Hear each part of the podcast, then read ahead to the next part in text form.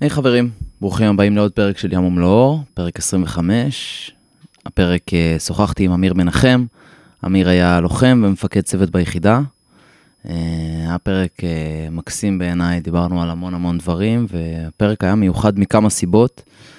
דבר ראשון, לי הוא באופן אישי נתן השראה, המון המון זמן ללכת אחרי מה שאתה אוהב ומה שאתה טוב בו. גם לפני תחילת הפודקאסט אני התייעצתי עם אמיר, ולפני ההתחלה של הפודקאסט שלי, כאילו, של, של uh, ים ומלואו, התייעצתי עם אמיר, ואנחנו דיברנו על זה גם בתחילת הפרק. Uh, הדבר השני זה שכאילו לבנות דברים גדולים, אמיר לא התבייש uh, לבנות משהו ענק, ואני חושב שאף אחד לא צריך להתבייש לבנות דברים גדולים. Uh, והלכה למעשה הוא בסוף בנה ביחד עם אבא שלו ועוד חבורה של אנשים מדהימים, ארגון ענק. שעוברים דרכו ותחתיו, תחת התנועה הזאת, כמו שהוא אוהב לקרוא לזה, אה, אלפי בני נוער, אה, ילדים, מבוגרים, ובאמת אה, מדהים יהיה לדמיין את ההשפעה של זה עוד 10-15 שנה. והדבר הנוסף זה שכאילו אפשר להאמין באמת ובתמים בערכים טובים, בסיסיים, כמו ספורט, כמו חינוך גופני, בטוב לב של אנשים והאנשים עצמם. אמ, אז גם מהבחינה הזאת זה היה לי פרק מאוד מאוד מיוחד.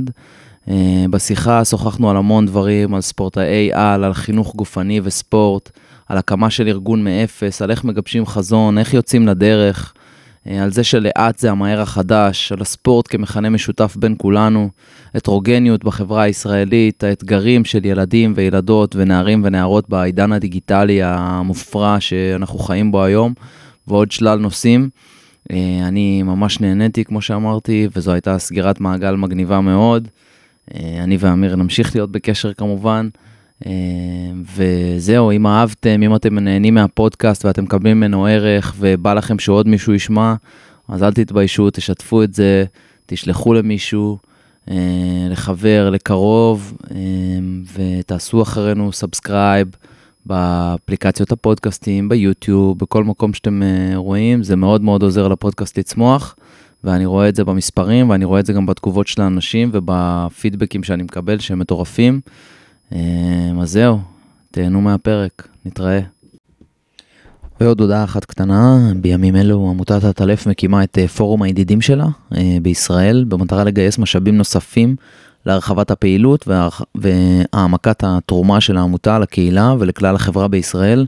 אה, אירוע מאוד, אה, מאוד עוצמתי של אה, פתיחת מעטפת חדשה בארץ. אז אם אתם מעוניינים להצטרף כידידים או לתת חסות לאירוע או לרכוש כרטיס, אני אשאיר את כל הפרטים פה בתיאור של הפרק ואתם כמובן מוזמנים לפנות לכל גורם בעמותה, אם זה עמית או ענת או מרדכי או טל וטל. קורל, כל, כל, כל אה, בן אדם שאתם מכירים מהעמותה, הם ישמחו לעזור לכם ולתת לכם פרטים נוספים. אה, האירוע יתקיים ב-15 ל-12, שזה בעצם עוד שבועיים, בשעה 7, אה, באולם חנה רובינה, בתיאטרון הבימה. אז כל הפרטים יהיו בתיאור של הפרק, וכמובן אצל כל החבר'ה ש... שמהעמותה. זהו, אירוע ממש ממש מגניב, אני הולך להיות שם, מעניין אותי לראות לאן הדבר הזה יתפתח. יאללה, תהנו. יאללה, נתחיל? יש. יאללה. יופי. אמיר, בוקר טוב. בוקר אור, איזה כיף. איזה כיף גדול, איזה תענוג. כבוד, כבוד, אה, כבוד לארח אותך, תודה שפינית את הזמן. כבוד להגיע. אה, ברוך הבא לפודקאסט ים ומלואו. אה, זהו, אנחנו נתחיל. יש הרבה, כרגיל יש הרבה על השולחן, הרבה לדבר. קבענו מוקדם שיהיה לנו בגלל זה הקולות של הבוקר. כן. אז... זהו, אני תמיד מתחיל כזה בפתיח או איזה שיתוף או משהו כזה. אתמול שמעתי פרק שלך, ראיתי שגם אתה הקראת איזשהו פוסט יפה. אמ, אני, אני לא אקריא פוסט שלך, אתה כותב באמת יפה וגם נדבר על זה, על הדברים שלך, אבל אני רוצה ברמה, אתה יודע, ברמה האישית גם להגיד לך תודה, כי כשהייתי בהתחלת הפודקאסט, אה, מה זה בהתחלה? לפני ההתחלה אפילו צלצלתי אליך ושאלתי אותך המון שאלות וזה, ואמרת לי יאללה, זה נשמע טוב, כאילו לך על זה, אנשים, אנשים יאזינו, אנשים זה. כמובן שיש לך גם את הפודקאסט שלך, הפודקאסט של חמש אצבעות של הארגון, תכף נדבר. אה, אז תודה רבה, זה נתן לי, גם הפודקאסט נתן לי המון השראה וגם ברמה הפרקטית אה, נתת לי הרבה, בציוד, בזה, הכוונת אותי לדברים הנכונים. אז אני מודה לך מאוד. כיף אחי, וגם אה, תשמע, לפרגן לך, כי עזוב שאני אחד המאזינים, אני יודע שזה נותן הרבה ערך לאנשים, הרבה מאזינים, מדברים על זה. כן. ותשמע, על האומץ, שאפו כאילו. כן, יופי. אה, זהו, אז בוא, בוא, אולי, אה, הרבה, הרבה מכירים אותך בגילאים, של, בגילאים שלי, אתה יודע, אזור השנים 2006, כזה חמש שנים קדימה אחורה, מכירים אותך אה, מאוד, אבל בוא טיפה תספר על עצמך, מאיפה אתה בא, מחזור ביחידה, קצת פלברה כמובן אם יש, ומשם נתקדם. סבבה, אז אני נראה לי אתחיל קודם כל באמת בילדות, כי הרבה ממה שאני עושה היום בחיים, הרבה מהשירות הצבאי שלי והיחידה, קשור אני חושב בילדות. קודם כל אני ילד ירושלמי, אה, לא, לא ילד של ים. אה, באמת ירושלמי? כן, כן. ובגיל 14, כשאני הייתי בן 14, שנת 2004, המשפחה עברנו ל- לרעננה. ככה שזה רגע די משמעותי בחיים גם, המעבר הזה. כן, כל החיים אני גדלתי בספורט, הייתי כדורסלן, רץ למרחקים בינוניים במקביל, שני הורים מורים לחינוך גופני ושלא חס וחלילה תגיד להם מורים לספורט. כן. זה, זה הבית, אבא שלי גם, אה, אני חושב לא מעט חבר'ה ביחידה יודעים מי זה, יורם מנחם, דמות אה, לא רק ביחידה, כן, נכון? מוכרת מאוד בספורט כן. הישראלי, חי את הנושא. אה, ואני חושב שאתה יודע, הילדות הזאת, לגדול בספורט והמון סביב תחרות ובנייה מנטלית, זה די סידר לי את החיים. כן. כאילו, אני, אתה יודע שאתה מתבגר, יש לך הרבה פלאשים, הרבה דברים שאתה מבין על דברים שעברת. Mm. אז הילדות הזאת גם אצל אנשי חינוך וגם בעולם שקשור בספורט. תוסיף את זה שגדלתי בירושלים, שאני אוהב את המורכבות של העיר הזאת. כן. מאוד השפיע עליי. מ 2008, אוגוסט 2008 התגייסתי ליחידה. צדיק אה, ארבע. צדיק ארבע, צוות טל גינת. היי, זה טל גינת. כן, כן, ואני יכול להגיד שממש מהרגע הראשון שהגעתי, אני לא מהילדים האלה שחלמו שייטת, גם היה לי הרבה שנים שהתלבטתי בכלל, כן להתגייס קרבי, אולי לנסות להמשיך עם הספורט, כי היה לי, היה לי ספורטאי פעיל ביד, יכלתי להמשיך אה, דרך ריצה האמת, ריצת 800. כן. ובאמת שהגעתי ליחידה, אני לא יודע איך אתה חווית את זה, אבל הרגיש לי חיבור מאוד מאוד טבעי. כאילו. ה-DNA, התרבות של המקום, זה בול מה שאני מחפש בחיים. זהו, והרגשתי טוב, כאילו מה- מההתחלה, הרגשתי שאני במקום הנכון לי, ואני חושב שהחיים שלי קיבלו איזושהי תפנית מאוד משמעותית בשירות הזה, שסך הכל הגיע לשש שנים. אה, אחרי שסיימתי בעצם מסלול, הייתי תקופה לוחם, תקופה של המרמרה, אה, יצאתי לקצינים, חזרתי, פיקדתי על צוות מסלול, אוגוסט 2011. כן. עד היום יש כמה חבר'ה די משמעותיים ביחידה שהיו בצוות הזה. אה, עוד תקופה קצרה, סגן מפקד צדיק ארבע. אה, אחרי שש שנים השתחררתי. כן. מה, מה גרם לך להשתחרר אגב? מה היה... וואו, זה חתיכת, אה, כן, הייתי בהרבה דילמות. כן. אה, אני בן אדם מחויב מטבעי, מאוד אהבתי את היחידה, אה, גם אהבתי את הצבא, אני חושב שהדבר שאהבתי בעיקר זה הנושא של האנשים. אני מאלה שהנושא המבצעי, הצד הזה פחות ריגש אותם. ואני מאמין שנדבר על זה הרבה בפרק, וגם הרבה מהאנשים שמגיעים אליכם מדברים המון על, על הנושא של הפשן, ללכת, כן. להקשיב פנימה. אני מאוד אהבתי את העבודה עם האנשים. וכשהתחלתי לשאול את עצמי שאלות גדולות, מה אני רוצה לעשות שאני אהיה גדול? Mm-hmm. איפה אני רואה את עצמי כמה שנים מהיום קדימה, כשהייתי בדילמות האם להמשיך, להשתחרר, הבנתי שמה שבאמת אה, אני רוצה להתעסק בו, כן. זה אנשים, אבל המהות היא אנשים. כי בסופו של דבר, שייטת זה ארגון, שהמהות שלו, המטרה שלו היא מבצעית, כן. לנצח בקרב, מה שנקרא. אני רציתי להיות בתוך איזשהו ארגון, בתוך איזושהי מסגרת שהמהות שלה היא בנייה של בני אדם, היא עבודה עם בסוף אנשים כן. בהיבט החינוכי. מהמם. אז תראה, זה גם נגענו בפרק האחרון, שדיברתי גם עם אביב, עם אביב גיל, על, על, על החשיבות הזאת של הילדות, והדפוסים, וה...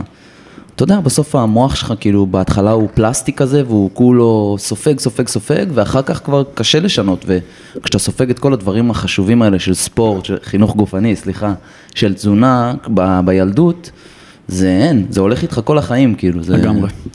ואני אגיד לך עוד דבר מאוד משמעותי, שאני בעיקר הבנתי את זה דרך השירות ביחידה, וזה התחבר לי מאוד לילדות, וזה גם מאוד קשור למה שהיום אני עושה בחיים. השייטת מבחינתי זה אקדמיה למימוש פוטנציאל. ואם הייתי צריך להגיד לך מה הנושא, הטייטל של מה שהכי מעניין אותי בחיים, הנקודת G שלי, אתה יודע, אני יכול לראות סרטים, לקרוא ספרים, לדבר עד שעות הבוקר, כי זה באמת מעסיק אותי, זה איך עוזרים לאנשים לממש פוטנציאל. ובשייטת יש את השלושה דברים האלה, שהם הם האקדמיה למימוש פוטנציאל, דרך אגב יש ספר Grit, אולי כן. של אנג'לה דאקוורת', כן. שמדברת על זה, היא מקבילה את זה לווסט פוינט, וביחידה זה, זה פשוט חממה לפתח אנשים ולעזור להם לממש את הפוטנציאל, כי כל הזמן ביחידה אתה באיזשהו חיכוך, אתה באיזשהו אתגר, אנשים כל הזמן מתמודדים עם משהו שמוציא אותם מאזור הנוחות שלהם, כן. היחידה הכל נעשה בתוך קבוצה, צוות, קבוצה של אנשים מאוד חזקים, תחרותיים. והדבר השלישי זה שיש לך איזשהו תמיד מודל לחיקוי, איזשהו מפקד, איזשהו מאמן בשפה של ספורט, שמוציא ממך, שדורש ממך, והשלושה דברים האלה, הם מפתחים אנשים, וזה נורא התחבר לדברים שחוויתי בספורט בילדות. יפה, זה, זה דברים שאתה... כאילו, אז אתה יודע מה? סבבה, תכף, תכף אנחנו ניגע ב, ב, בערכים האלה. כן. אני רוצה שנייה לה- להמשיך עם, ה, להמשיך עם הטיימליין, כאילו, אתה מחליט שאתה משתחרר, וכאילו משהו, משהו בוער בך, אתה יודע, יש את השנים האלה, אנחנו מדברים על השנים האלה של הבלבול, שאתה היית באולימפוס, היית, אתה בטח קצין בשייטת, כאילו, וזה, ואז אתה פתאום יוצא החוצה, ווואלה, לא, לא כל העולם מחכה לך בזרועות פתוחות, ואז נוצרת איזושהי תקופה כזאתי, מה אני עושה, אני לומד, רייכמן, אוניברסיטה, whatever, מלגות. כן. מה, מה אתה מרגיש בתקופה הזאת, וכאילו איך, אה, איך חזרת הביתה אל החינוך גופני? אז, אז אני השנה המבלבלת הייתה עוד בצבא, אה, בצבא. כן, כי שסיימת, כבר בזמן שהייתי מפק"ץ התחילו לדבר איתי קדימה, ואנשים גם שאני מאוד מאוד מעריך שהיו מפקדים שלי, ואני חושב שהדילמה שלי הייתה, רגע, אני בגיל מאוד צעיר, באיזושהי נקודה שאתה מכיר את ה... בואנה, אני חשוב. כן. אתה מכיר את זה. שהטלפון שלך כל היום עסוק, מזמינים אותי לפעיין כל היום.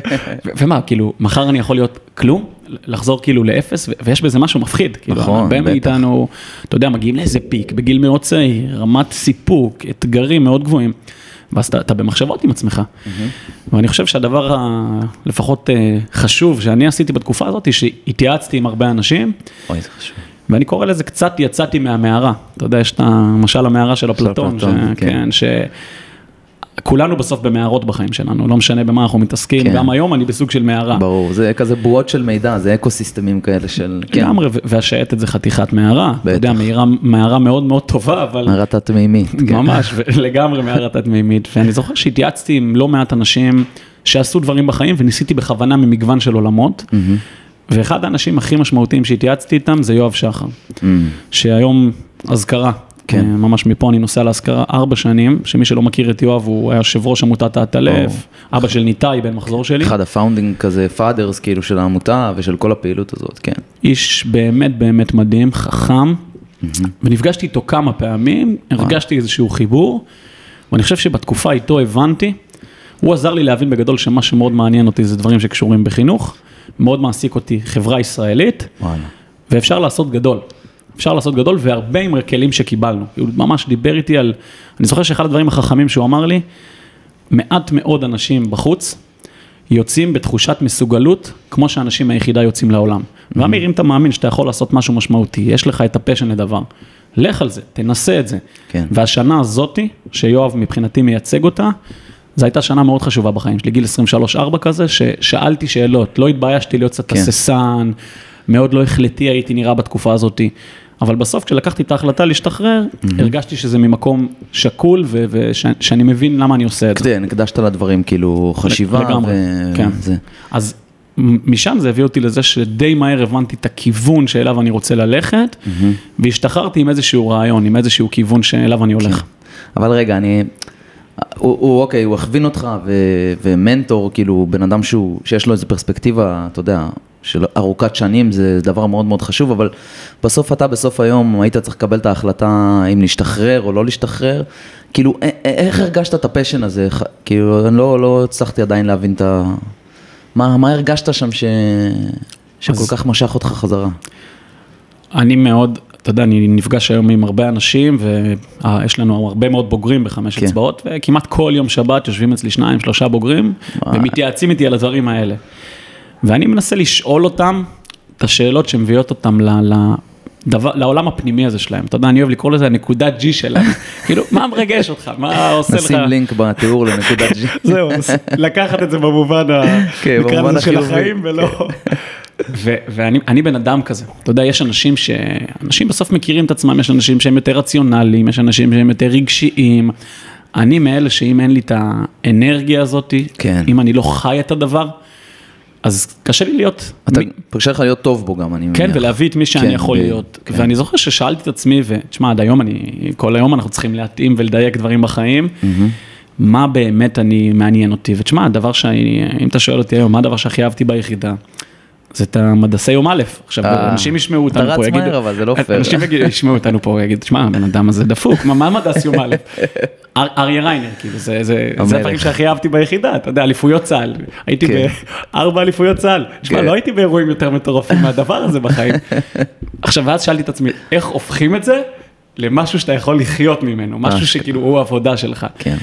אז, אני חושב הרבה שאלות פנימיות, ולקרוא, לראות, ללכת לפגוש את האנשים כן. האלה ש, שמשהו בהם מסקרן אותך, וכמו שאתה עושה בפודקאסט, אתה מגלה המון דרך השיחות האלה. כן, לגמרי. אתה מגלה גם על עצמך וגם המון. על ה... כן, מה שאתה, מה שאתה רוצה לעשות, זה פותח אה, עולמות חדשים. כן. טוב, אז אתה, אתה, אתה יוצא, אתה משתחרר, ואז אה, מה, כאילו, מה, מה הצעדים הראשונים שאתה עושה? אתה אומר, אני רוצה לוודא שבאמת יש לדבר הזה קיום, כאילו, שיש לו איזו היתכנות בשוק, בסוף אתה, אתה יודע, אתה, אתה בא, כן, אם נפשט את זה, אתה בא למכור מוצר, נכון? אתה בא למכור את, ה, את הערכים ואת הנורמות ואת מה שאתה מאמין בו, ולוודא שיש מישהו שבאמת אה, רוצה את זה, אז מה, איך, איך אתה מתחיל? קודם כל אני מגבש איזשהו רעיון, דיברנו מימוש פוטנציאל, אז אמרתי לעצמי איך אני מקים איזושהי מסגרת, חשבתי נורא בקטן, נורא בייסיק בהתחלה, שלוקחת את הנושא של ספורט, פעילות גופנית, ועוזרת לאנשים צעירים, בני נוער בשלב ראשוני, לממש פוטנציאל. ואפרופו יחידה, אפרופו כאחד שגדל בספורט וחוקר את הנושא, הסיפור הוא הסיפור המנטלי. מה שעושה בסוף את ההבדל זה העולם המנטלי שרק עליו אפשר לעשות סדרה של פרקים, כי זה חתיכת כן. נושא.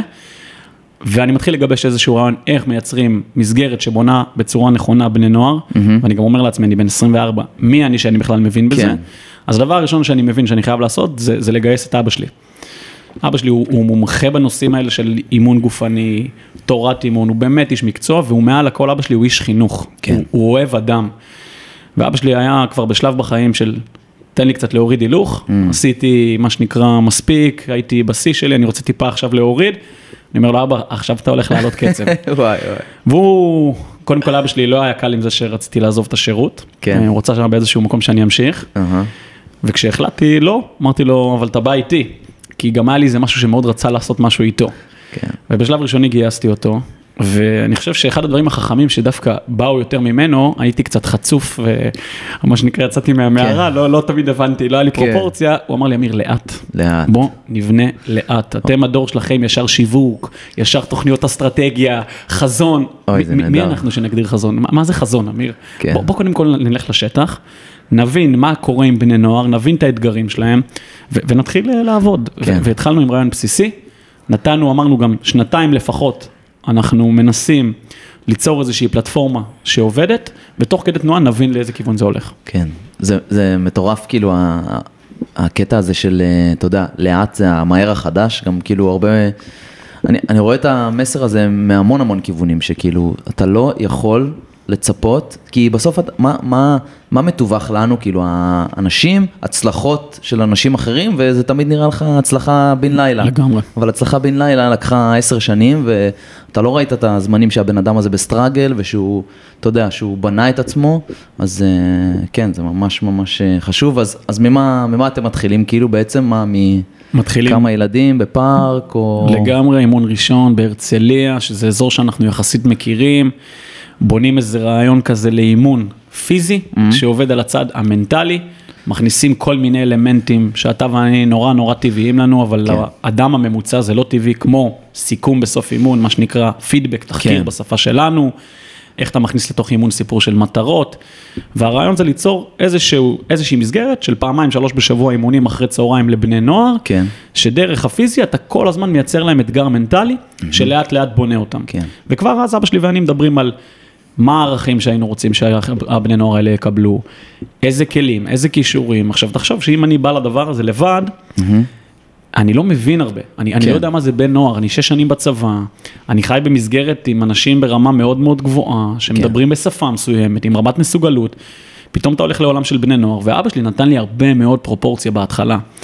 אמר לי, אמיר, ההצלחה שלנו תימדד אם נצליח להביא את הילדים שיותר קשה להם. אם נצליח להביא לפה נוער עם מורכבות, אנשים ש, שהדברים לא קלים להם בחיים, נושא של בנות. כן. ספורט לבנות זה דבר בישראל שהוא לא מובן מאליו. וככה גייסתי אני לאימון הראשון, 14 ילדים, שלישי בספטמבר 2014, יפה. והיה מהאימון הראשון איזושהי אווירה מיוחדת. לא להאמין, זה שמונה שנים, כאילו. כן, זה כן, כן. זה מטורף. כאילו, זה מה, איזה שנים, דרך עשית? אבל זה עוד שם, כי הרוח, מה שניסינו, זה עדיין מה שאנחנו עושים, רק שהיום זה הגיע לממדים שבכלל לא, לא דמיינו, לא חלמנו, לא, לא, לא חשבנו על זה אפילו. כן. עכשיו, כאילו, תמיד שאתה יודע, נוח לנו לשים דברים במסגרות, בדברים אה, זה, אז תמיד אה, חושבים, תכף נדבר על חמש אצבעות וכאילו למה אתה זה, אבל זה לא אימון, כושר קרבי או הכנה לצבא, חשוב לשים שנייה את ה... אתה לא אמרת את המילה הזאת אה, בשום שלב, כאילו, נכון? זה... מהיום הראשון שהתחלנו, אני התעקשתי שזה לא ילך לשם. הרבה פעמים כדי להצליח, אז אתה מתחיל להשתמש במושגים שיביאו לך לקוחות, כן. יגרמו לאנשים. אתה... מההתחלה אמרתי, זו מסגרת שהיא חינוכית, המהות בה היא לעזור לבני נוער ולקדם אותם. אנחנו חיים במדינת ישראל.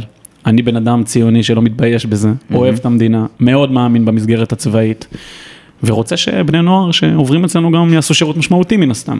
בשלב ראשון הגיעו אלינו הרבה מאוד בני נוער בגיל תיכון.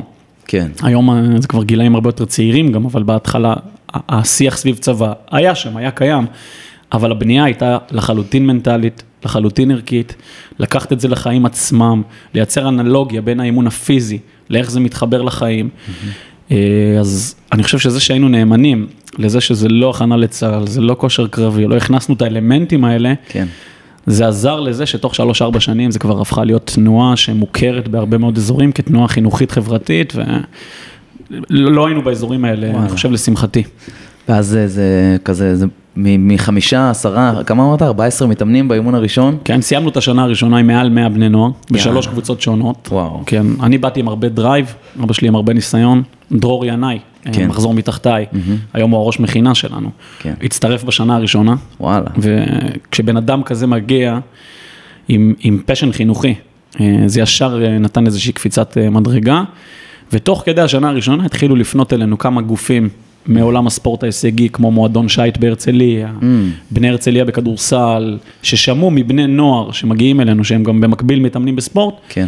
משהו מיוחד קורה במסגרת הזאת שקוראים לה חמש אצבעות, זה היה נורא קטן, כן. קורה שם משהו, אנחנו יכולים לקחת מזה משהו, פתאום התחילו להזמין אותי להרצאות, בתי ספר, מכינות קדם צבאיות, התחילו להזמין אותי לדבר בצבא, ולאט לאט לאט התחלנו להתאים את זה לכל מיני גופים שביקשו את ה... נקרא לזה כן. את התכנים שלנו, את התרבות הזאת שאנחנו כן. מתחילים לפתח. או, יפה, אתה עושה לי סגווי, אתה עושה סגווי להרבה נקודות. אה, גם מילים שאתה אוהב, אני מכיר אותך עם תרבות, כן. ותרבות של ארגון, זה דבר שהוא, תכף נדבר על זה. אה, מה רציתי לשאול אותך? טוב, בוא, בוא, בוא נלך למקום של, אה, של, של תרבות של ארגון, גם מהמקום, אה, אוקיי, נזכרתי. תמיד כשאני אומר מה רציתי לשאול אותך, אני נזכר נזכר בשאלה. תוך כדי, כן.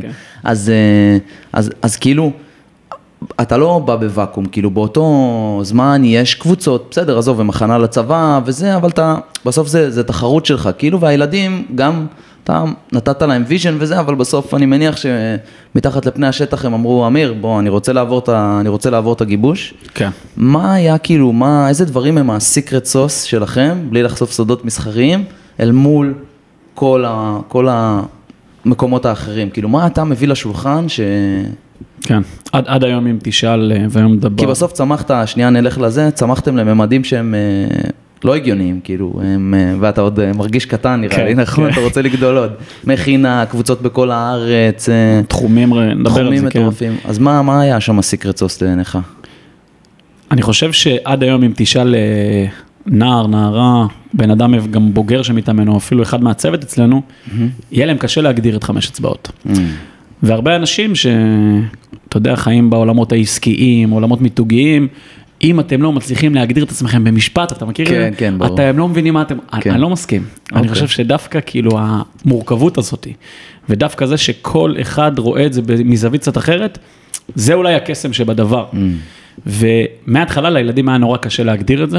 היה פעם איזה, האמת, נערה מאוד אה, אינטליגנטית שאמרה, אני חושבת שחמש אצבעות זה האיזון המדויק בין תנועת נוער למסגרת ספורט תחרותית. או, יפה. אתם נותנים את הכלים האלה של תחרותיות, משמעת, עבודת אה, צוות שיש במסגרת ספורט, כן. דורשת ומחייבת, אבל יש פה גם את העצמאות, את הערכיות, האחריות שיש בתנועת נוער. אוי, מהמם. וזה די התפתח משם, ואני חושב שבשנתיים, שלוש הראשונות, שעוד היינו יחסית בממדים קטנים, צוות בעיקר של מאמנים, היום זה כבר אופרציה הרבה יותר רחבה, היינו עסוקים הרבה בצד הרעיוני שבדבר. Mm-hmm. לבנות איזושהי תפיסה, איזושהי פילוסופיה, למה אנחנו עושים. התייעצתי עם הרבה מאוד אנשים חכמים, גם חשוב לי לשת... לשקף את זה פה, שאבא שלי פתח אותי לדלתות, שלא קל להגיע אליהם, אנשי מקצוע ברמות הגבוהות ביותר, ואחרי בערך שלוש שנים התחלתי לבסס פה ארגון חזק. Mm. ארגון, כשזה כבר התחיל לצמוח מעל עשרה אנשים שעובדים, משכורות, אתה רוצה גם אנשים שיעבדו אצלך לאורך זמן ולא ייעלמו אחרי שנה, כן. שנתיים, שזה אתגר בעולם חינוכי. Mm-hmm. בכלל, בכל עולם התעסוקה היום לחלוטין, זה... לחלוטין. ו- ו- ו- ויצרנו איזושהי תשתית רעיונית חזקה, שנתנה לנו בסיס להתחיל לצמוח מבחינת אה, נפחים, כן. אתה יודע, פעילויות מגוונות. Mm-hmm. זה בגדול. כן, אז, אז, אז באמת תוך כדי, תוך כדי הגדילה הזאת ותוך כדי הצמיחה, אה, אני רוצה שנייה ללכת למקומות של, של תרבות ושל שימור, של, של, כי בסוף אתה, שכזה ארגון צומח, בכלל, שכל ארגון צומח, אנשים באים, אתה לא תמיד אה, מגייס הכי מדויק, נכון? ולפעמים כן. גם התרבות יכולה להשתנות, אז מה, א', איך, איך אתה מגייס את האנשים שלך, כאילו את העובדים שעובדים איתך, כי הם באמת גם, מן הסתם הם אלה שמניעים את הארגון ביום יום, ומה מה, מה אתה מחפש כאילו אצל האנשים שלך? מהשלב הראשוני, קודם כל, אני מתייחס לעצמי מאוד ברצינות. יש אנשים שפוגשים אותי היום, אומרים לי, תשמע, אתה דיברת לפני חמש, שש, שבע שנים בפגישה, הייתי קצת, כאילו, הסתכלתי עליך, אמרתי, מי זה ההוזה הזה? כאילו, התייחסתי לעצמי ברצינות, כאילו, כן. אמרתי, אני הולך להשפיע על החינוך בישראל, כל מיני אמירות כאלה שאנשים אה, יכולים להיות קצת, אה, אתה יודע, ציניים כלפיהם. Mm-hmm. אני חושב, דיברתי כאילו, אתה יודע, חברה ישראלית, פערים שאני מזהה, ותשמע, מה היינו, כאילו, ברור. 300 ילדים, כאילו, אתה כן. יודע, משהו קטן, חמוד, והתייחסתי לזה ברצינות, והקפתי את עצמי באנשים מאוד מאוד חכמים ממגוון של עולמות. Mm-hmm. היה לנו דמות מאוד אה, משמעותית בשנים הראשונות, שעד היום היא מחוברת, אבל בחור בשם דמיאן, שהוא בן אדם שבא בכלל מהעולם העסקי, mm-hmm. היה תלמיד של אבא שלי, והוא התעקש איתנו, ממש מהשנה, שנתיים הראשונות. קודם כל, אנחנו נשארים גוף עצמאי. Mm-hmm. אנחנו צריכים להתייחס לעצמנו כמו לביזנס. הרבה פעמים אנשים חושבים שביזנס זה סותר חינוך. Mm-hmm. בעולם שהיום אנחנו נמצאים בו, חינוך חייב להיות בעיניי ביזנס. כן. אם אתה מתחיל להיות תלוי בתקציבי מדינה, בפילנטרופיה, התקרה שלך בעיניי יכולה להיעצר מאוד מהר, אתה גם מאוד מאוד כפוף כן. לדברים. התעסקנו הרבה מאוד בזה שתוכל להיות לנו אסטרטגיה כלכלית חזקה, בשביל שנוכל לצמוח ולהיות גם מאוד ורסטיליים במה שאנחנו כן. עושים.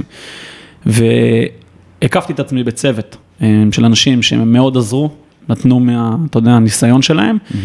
והתפיסה הזאת של להיות גוף עסקי, שיכול לתת לאנשים level, אתה יודע, מאוד אה, יחסית איכותי בשכר, ולנסות לעשות דברים קצת מחוץ לקופסה. זה מה שנתן בהתחלה איזושהי אפשרות לצמוח, אני חושב, בצורה שהיום כן. מאוד, היום אני רואה את ההשפעה של זה. כי אחרת ארגונים כאילו, הדומים לך, אה, מכינות, זה, הם כולם נסמכים על אה, מימון כאילו ממשלתי של משרד הביטחון. או... כן, בעולמות של החינוך, הרוב המוחלט הם בדרך כלל עמותות, mm-hmm. לנו יש עמותה בתוך החברה בעצם. Mm-hmm. אה, וכן, הם עם הרבה יותר, עם הרבה פחות עצמאות, זה כן. בעיקר הנקודה פה. כן, אוקיי, סבבה. טוב, עכשיו זה היה העניינים, העניינים הטכניים וזה, ועכשיו אני רוצה ללכת איתך למקומות המקצועיים, תכף גם נדבר על ספורט, על ספורטאי על, כל הדברים הכיפים. אבל אני אתן שנייה אינטרו למימוש פוטנציאל ופריצות דרך ודברים כאלה, משהו שאתה עושה, ואני אשמח ככה לקבל ממך את התובנות שלך במקומות האלה. אה, סתם, הפודקאסט הזה, שאני עשיתי אותו, התחיל בעקבות אה, קורס שעשיתי, שנקרא פריצות דרך, שבעצם הוא נותן לך איזשהו, אה, איזה עשרה מפגשים של, של כלים שאתה מסתכל בהם על החיים שלך ועל האמונות המקבילות שלך, על הדפוסים שלך, על ההרגלים שלך, ובעצם כל מה שמגביל אותך בחיים, ואתה יודע, אם אתה טיפה מושך את החוטים, מזיז אותם ימינה-שמאלה, אז כבר דברים מתחילים להשתנות.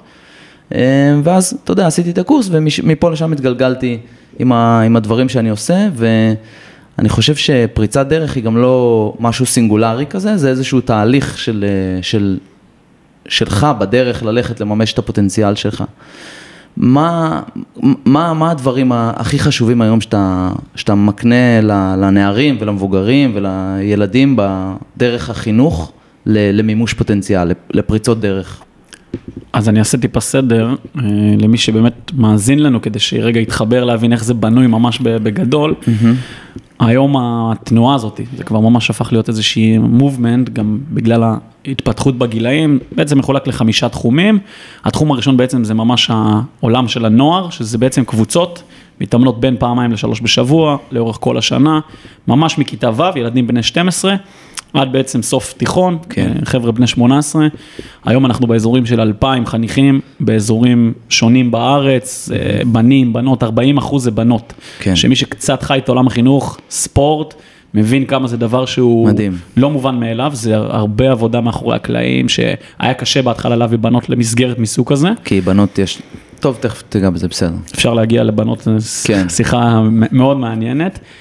תצמח הלאה, התחום השני שלנו זה מכינה קדם צבאית, יש לנו מכינה יושבת בזיכרון, mm-hmm. יש במקום הזה גם אולם אה, לזכר גל אזולאי, mm-hmm. בן מחזור שלי שנהרג, mm-hmm. אימון צלילה בנמל אשדוד, כן. אה, הוא תושב זיכרון.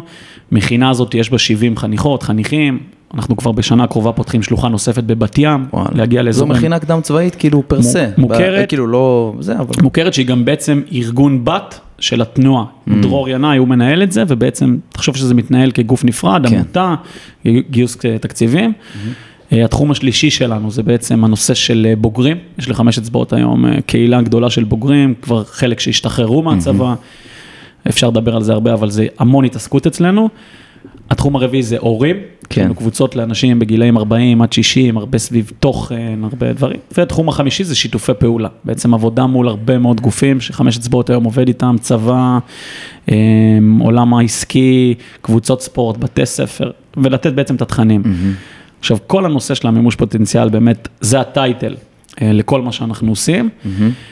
ואם אני צריך, אתה יודע, להגיע לשורש, אז הייתי מדבר איתך על שני דברים מרכזיים. כן. אחד זה הנושא של ביטחון עצמי מסוגלות, בו יש הרבה הורים גם מקשיבים לפרק, אני חושב שכל הורה, לפני שהוא רוצה שהילד שלו יהיה חכם גדול ויביא ציונים טובים ויגיע לשייטת, הוא רוצה שהילד שלו יאמין בעצמו. כן. ואם אתה מצליח למצוא מסגרת שמצליחה לפתח את הדברים האלה בשנת 2022, אז אוקיי, יש כן. פה משהו, כי, כי זה היום הסיפור של בן נוער, כאילו, כן. איך אני מאמינה בעצמי. הם חווים, אה, הם חווים גם קושי אל מול החיים הדיגיטליים, הפסיכיים האלה. אני כל הזמן אומר לעצמי, וואו, איזה מזל שזה נולדתי ב-1990. לא כי החיים שלנו היו יותר קלים, פשוט היה יותר פשוט. היה כאילו, יותר פשוט, כן. לא קל היום, ואנשים שפחות רואים את העולם של בני נוער, כן. וואו, איזה קצב חיים יש להם. איזה מורכבות זה הרשתות החברתיות. כן. איזה מסרים הם מקבלים. מי הם גיבורי התרבות שלהם ולא באשמתם. אז זה קשה מאוד להאמין בעצמך, קשה לך לפתח את החוסן הזה, כן. את המסוגלות להגיד, אני קם בבוקר, יודע שאני אצליח את הדברים הבסיסיים של היום-יום. כן. והדבר השני, שמאוד קשור בזה, זה נושא של שייכות. הנושא הזה של להרגיש את החלק, הרי בני נוער היום, ובכלל אנשים, נורא נורא נורא בתוך עצמם. ממש. וכשאתה נורא בתוך עצמך, גם מתחיל להיות לך קשה, כי כל דבר מתחיל ונגמר בך. Mm-hmm. ואם אתה מצליח לעזור לילד, אני קורא לזה לצאת מעצמו, לפרוץ את הגבולות האלה של זה נגמר ומתחיל בי, כן. יש משהו גדול ממני, אני חלק מקבוצה, אני משפיע על משהו, אתה כבר לוקח את החיים שלו לכיוון מאוד מאוד נכון. אז אני חושב ששני הדברים המרכזיים שאנחנו מתמקדים בהם בחמש אצבעות, זה איך לפתח את החוסן, את המסוגלות אצל הבני נוער וגם אנשים כבר מבוגרים יותר. כן. ומהצד השני, ליצור להם שייכות למשהו שהם מבינים שהם חלק ממנו, איזושהי קהילה. Mm-hmm. מדברים הרבה בעמותת תת-אלף קהילה. כן. אז זה רגע המרכז, הבסיס לנושא הזה של איך בכלל מתחילים לממש פוטנציאל. ואיפה, כאילו, איפה אתה מוצא את ה...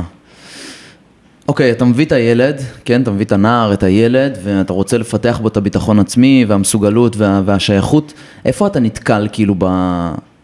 ב... בבעיה, כאילו בסוף הילד פוגע באיזה קיר, נכון? הוא פוגע באיזה קיר ואומר, אני לא מסוגל, אני לא... איך אתה נותן לו את, ה... את הדחיפה, אבל שהיא גם לא חזקה מדי, שהוא יעשה את זה בעצמו? מעולה, מעולה, זה נושאים שכן. אני מקשה עליך, אחי, אתה לא, לא מקצוען. אנחנו עושים שלושה דברים. כן. שבסוף זאת המתודה שעומדת מאחורי הקלעים, יש לנו גם צוות אה, תוכן שלם שמתעסק יום-יום במחקרים בנושא, באיך בונים את זה, אנחנו גם היום עובדים עם משרד החינוך, עם כל מיני גופים, איך אתה מטמיע את זה במערכות הרבה יותר גדולות, בסקיילים אחרים. כן. הבעיה היום, דיברנו על מסוגלות ושייכות, לבני נוער של שנת 2022, של המאה ה-21, יש היעדר בחוויות.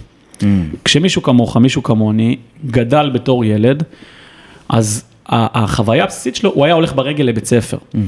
ה- הזמן שהוא היה מול מסכים, שעה, שעתיים ביום. כן. היה לנו הרבה חוויות, שהחוויות, תקרא לזה בסיסיות, לימדו אותנו על החיים. בחמש אצבעות אנחנו מייצרים להם חוויה. אימון גופני, אימון פיזי, זה חוויה שדרכה אתה מאוד מהר מבין דברים. חוויה ששמה אותך בחיכוך, באתגר, בקושי. ואם אתה בא עם ניסיון ועם הבנה מאחורי הקלעים של מה אתה עושה, אז אתה מצליח גם בחוויה לתת שם איזשהו תהליך של, של צמיחה. איזושהי עבודה שכל הזמן גורמת לילד לראות שהוא משתפר. כן, ניצחונות כאלה, ניצחונות קטנים. כן. התמודדות רגע עם משהו, הוא, הוא בסוף גם במסגרת עם עטיפה מאוד חזקה. הדבר השני זה שהחוויה כל הזמן קורית בקבוצה, אני לא לבד. זה שעכשיו קשה לי בריצה, זה שעכשיו אני לא מצליחה את התרגיל, אוקיי, אני רואה עוד מישהי שלא מצליחה. ו- ו- וזה שהם בקבוצה, הם נורא מזינים אחד את השני. והקבוצות אצלנו הם גם במין אווירה מאוד מקדמת, מאוד דוחפת, מאוד לא צינית, מה שבני נוער היום טסים בני נוער בכיתה בבית ספר. אני- ישר מתחילים... אה, זה לא, אה, זה דיכאון. אתה, אתה רואה ילדים יושבים, מאוד לא מחוברים, ברור שאני מכליל כאן, ברור. אבל אתה רואה ילדים שיושבים ואין שום כימיה ביניהם, אין, אין, אין שיח, הם כולם בתוך המסכים.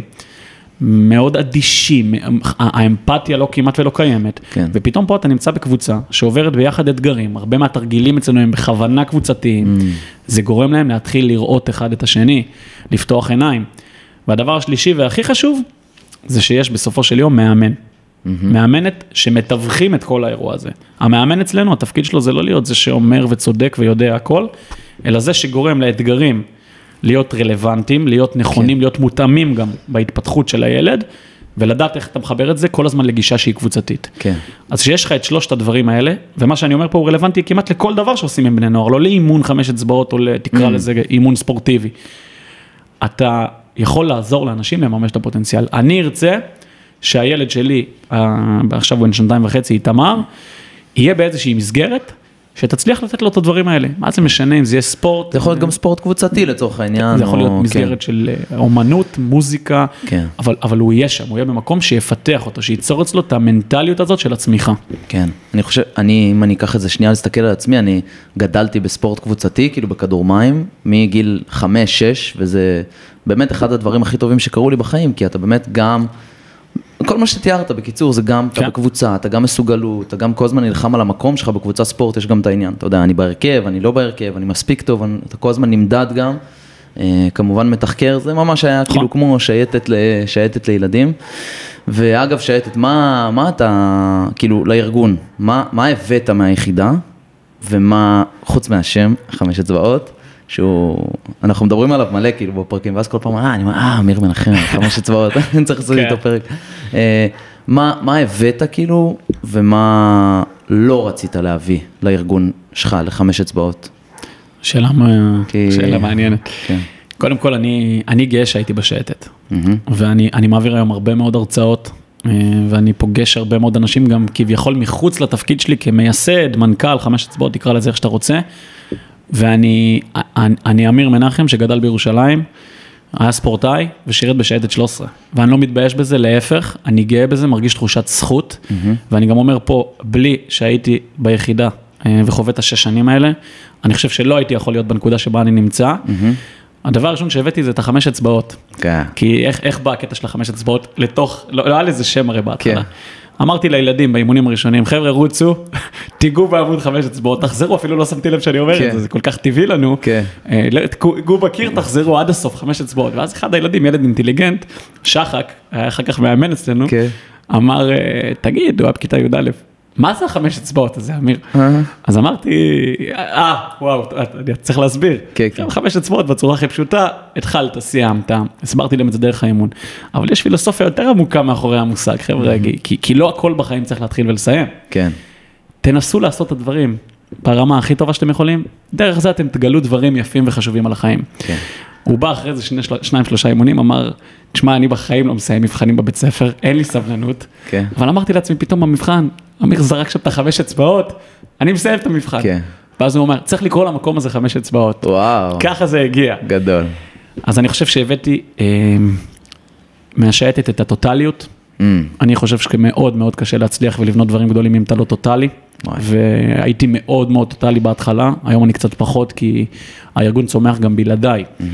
אבל הבאתי את הטוטליות של היחידה, את האינטנסיביות הזאתי. עוד דבר שאני חושב שמאוד אפיין, מאפיין את מה שאנחנו עושים היום ואת היחידה, זה להיות רלוונטיים.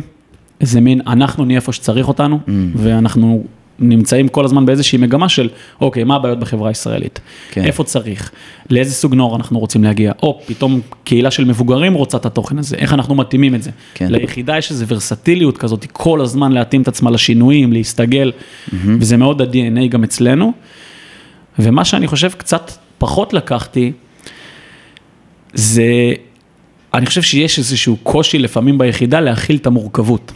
אה, של האנשים או של רעיונות? אנחנו או... מאוד דומים בשייטת. כן. אנחנו, נכון. אתה יודע, אנשים, כולנו, אתה תפגוש בן אדם בן 45, אה, הפלברה בדקה, כאילו, כן, יש בינינו שפה משותפת מדהימה, ותשמע, בסוף מגיעה אוכלוסייה מאוד מסוימת, שגם צריכה לעשות דברים מאוד מסוימים. כן. ועם הזמן אני הבנתי בחמש אצבעות שאני חייב גיוון הרבה יותר משמעותי. Mm. אז חיפשתי סוג מאמנים שהם קצת אחרים. כן. שבאים מרקע חיים אחר. הקפתי את עצמי באנשים שהם חושבים אחרת. ו, וזה דבר שהבנתי באיזשהו שלב, שאם אני לא קצת אצא מהמערה mm-hmm. וייחשף, יראה, אני אפתח פה בסופו של דבר תנועה שעוזרת לאנשים לממש את הפוטנציאל, אבל בכיוון מאוד מאוד מסוים. כן. והיום כשאתה מדבר איתי מה זה מימוש פוטנציאל, זה דבר הרבה יותר רחב מבחינתי, ש, שזה משהו שאני חושב שלמדתי דרך העבודה הזאת עם חינוך. כן. הקטע הזה של להיפתח כאילו לאוכלוסיות חדשות וצורות מחשבה חדשות הוא, הוא כל כך קשה, אני מזהה גם את הקושי הזה, אתה יודע, בחיים שלי, שפתאום אני, נגיד, אמ, הייתי, הייתי עד עכשיו במקומות עבודה שהם מסוג אנשים מאוד ספציפי, ועכשיו אני במקום עבודה שהאנשים הם לא מהמיליה הרגיל שאני כן. רגיל, וזה נותן אה, המון, אתה המון. פתאום... אתה פתאום כאילו נחשף ל, ל, לאנשים אחרים ולצורות מחשבה אחרות, זה... כן, כן, כן, ואני גם, אנחנו כל הזמן מתעסקים בלמצוא את המקומות האלה. כאילו, אני יכול להגיד לך שהתנדבנו כמה שנים בכלא אופק, כלא בני נוער. וואלה. איך אנחנו מכניסים את המתודה של חמש אצבעות, את כל מה שפיתחנו, כן. לנוער בכלא שיש לו עוד פוטנציאל להתגייס. אתה יודע כמה למדנו מהבני נוער האלה? וואלה. היום אנחנו לא סתם רוצים להקים שלוחה בבת ים. Mm. אני חושב שהעתיד שלנו ילך לשילוב של יהודים וערבים. כי החברה הישראלית היא חברה מורכבת. ואם אנחנו רוצים להשפיע פה, ואני חושב שהיום אנחנו בתקופה בחירות, והשיח בשנים האחרונות, באמת באמת מתסכל לראות מה שקורה פה, ואני מאמין שהמאזינים וחבר'ה מהעמותה ששומעים, מעמותת הטלף, מהשייטת ששומעים, לא קל להם לראות מה קורה בחברה הישראלית. כן. יש לנו קושי להכיל מורכבות. החברה הזאת לא תוכל לצמוח, לא תוכל להמשיך לחיות ביחד, אם לא נדע להכיר את השוני בינינו. להתאחד דווקא דרך הדברים שמבדילים פה בתוך החברה הזאת. אני מאוד מנסה להכניס את זה לחלקה הקטנה ש, שאני חי בה. Mm-hmm. להביא אנשים ממגוון של עולמות, דעות שונות, ולמצוא את המרכיבים שיכולים לייצר את החיבורים האלה. כן, לפעמים אנשים מתבלבלים וחושבים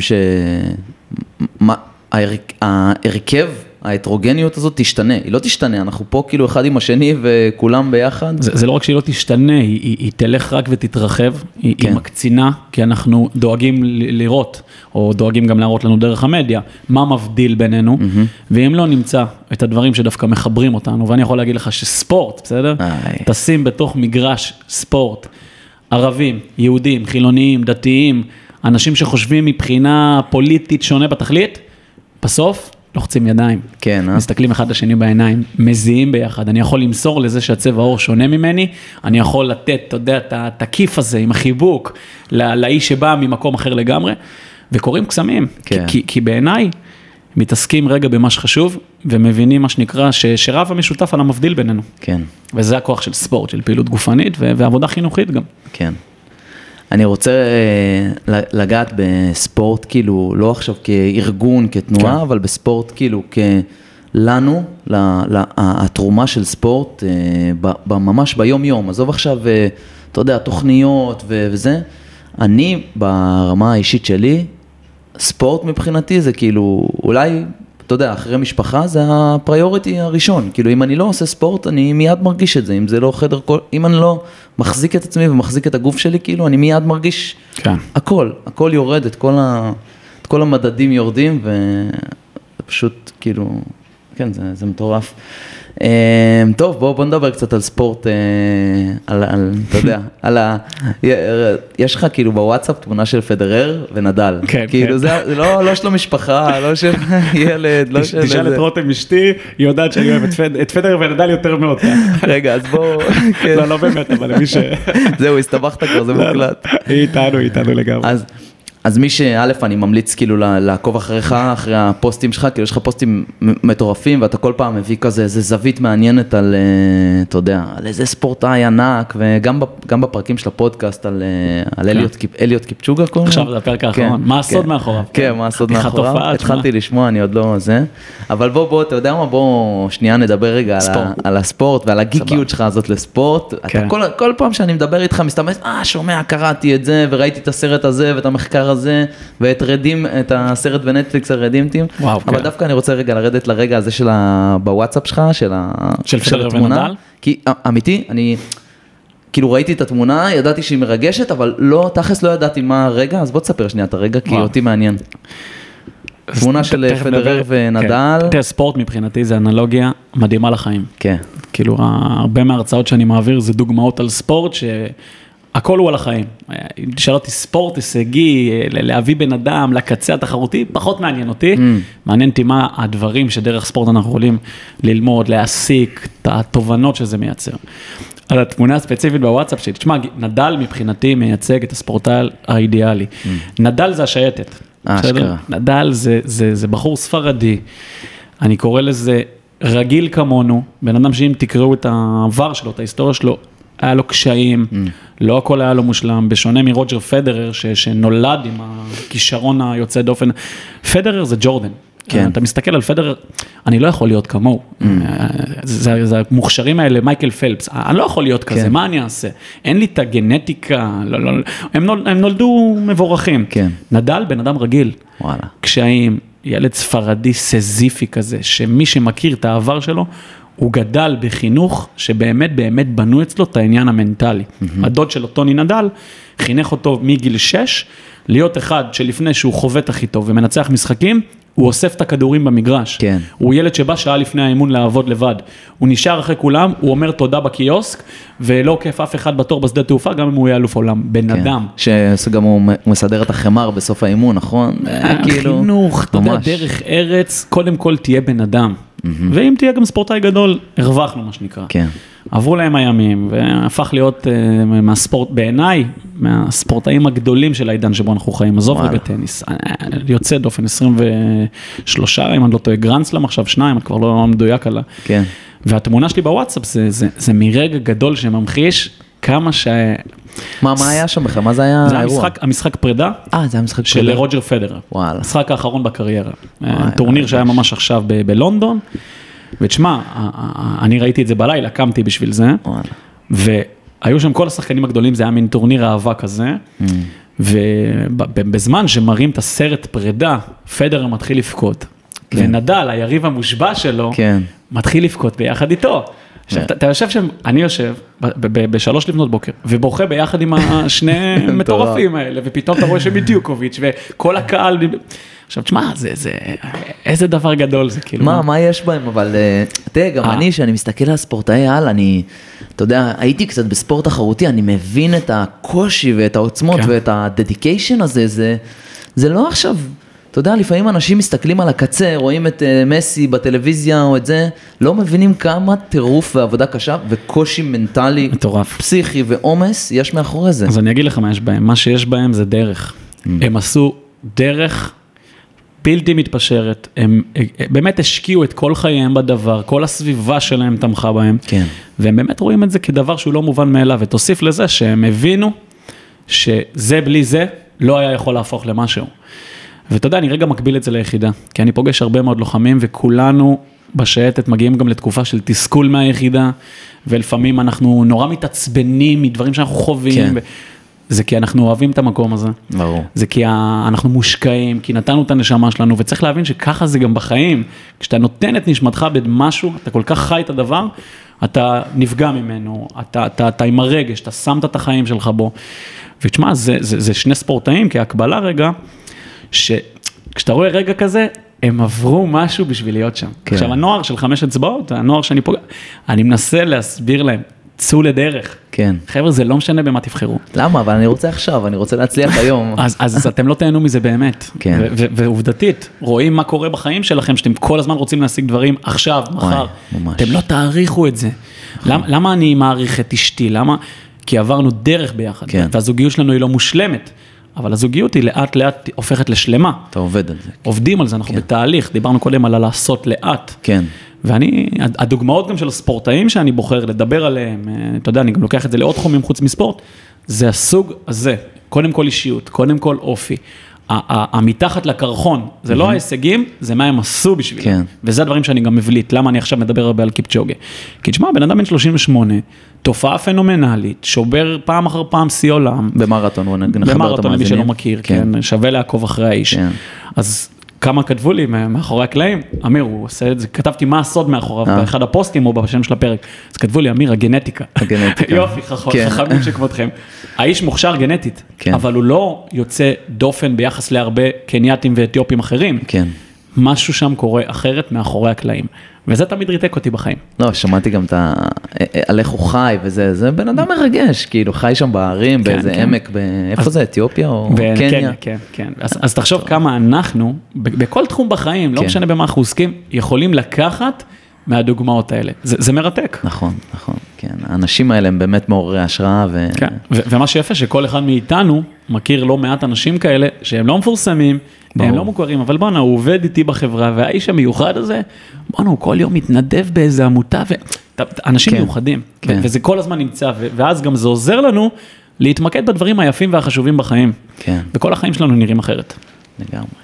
לא, וגם מה שאמרת על דרך, שאתה, כאילו, אתה חייב, אתה גם להבין שזה דרך, וגם אתה חייב ליהנות מהדרך, תכלס. כאילו, אוקיי, ברור שיהיו ימים קשים, ולא, אין לך זין לקום בבוקר ולרוץ, או, נכון. או אתה יודע, ללכת, לה, אתה יודע, לעשות את הדברים שאתה עושה, אבל אתה חייב ליהנות גם מהדרך, ליהנות מהתהליך, כי אחרת זה פשוט, ממש, ממש. זה, ו- ודיברת רגע ספורט, אז ספורט מבחינתי זה יום שישי לפני כניסת שבת, שקיעה, לתת את הריצה לבד בלי שעון, כן, של ה-30-40 דקות, עם עצמי בטבע, אני גר עכשיו במושב אודים, אה, אני רץ שם באזור של ה... לפעמים לים, לפעמים שם קצת לטבע, מדהים. וזה ספורט.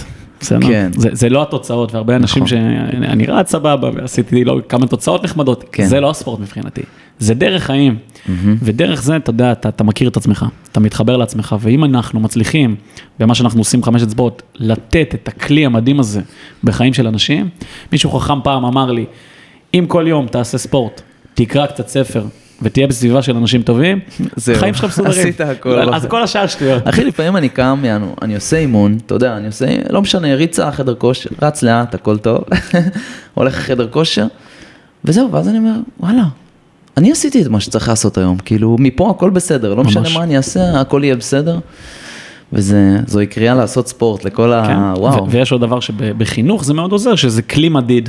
כן. כן. מאוד קשה למדוד חינוך, וכשילד רואה, בסדר, שהוא הוא פתאום עולה שבע מתח, ולפני חודש הוא עשה שתיים, אז תחשוב מבחינת מסוגלות. Mm. כן. ה- המאזינים שלנו לא נראה לי מודעים לזה, אבל היום באזור ה-60 אחוז מבני הנוער, או יותר נכון ילדים, אנשים בגילאי 10-12, 60 אחוז לא עושים פעילות גופנית. לא להאמין. עכשיו, שטיפה נבין את ההשלכות של זה. הביטחון המנטלי שלהם, כתוצאה מהחוסר, בסדר, ביטחון הפיזי שלהם, הרי פיזי משפיע אוטומטית מה, על ההיבט המנטלי. ברור. הוא כמעט ולא קיים, הם לא מכירים את עצמם. תראו. תראו היום איך ילדים נראים, בריאותית אתה רואה שם את יש ההבדל. בעיה קשה של השמנה, עכשיו, ואוכלים זבל. כל הדימוי גוף שלהם, כן. כל ה... אני מכיר את עצמי, הרי פעם אחת נפצעתי, למדתי לצאת מפציעה, Mm. אני באיזשהו תהליך התפתחות, למדתי להכיר את עצמי, זה, זה היתרונות בפעילות גופנית, בספורט. כן, וואו, כן. ותגיד, אחרי שעברו אצלך, עברו בארגון, כאילו כל כך הרבה ילדים, ואני חושב שבאחד הפרקים, אולי, אני לא זוכר אם זה היה אחד הראשונים שלך, בפרק עם ריינר כמובן, האגדי, ש, שדיברת באמת על, על להשפיע, כאילו להשפיע על החברה ועל זה. היום, כאילו, בגדלים שאתה נמצא בהם, אתה רואה, דיברת גם על משרד החינוך ורפורמות, ודיברתם שם על כאילו, באמת שיהיה חינוך גופני, אמיתי, לא שיעור ספורט שכולם אה, מחביאים את האופניים בצד ודופקים את האלפיים. כן. אתה מצליח להרגיש ככה ניצוצות של וואלה, שיניתי משהו בחברה?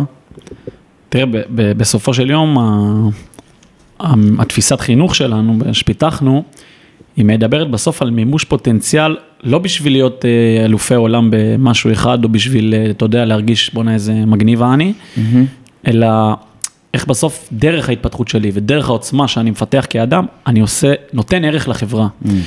אני, אני משפיע על משהו. עכשיו, אני לא מאלה שאוהבים לזרוק סיסמאות, לכו לפוליטיקה, אה, לכו לתפקידי מפתח. אני לא יודע מה זה תפקידי מפתח, אני גם מאוד מאוד לא אוהב את זה שבאים לילדים במכינות קדם צבאיות, שאני נמצא שם לא מעט מרצה, אתם אלה שישפיעו וישנו את החברה.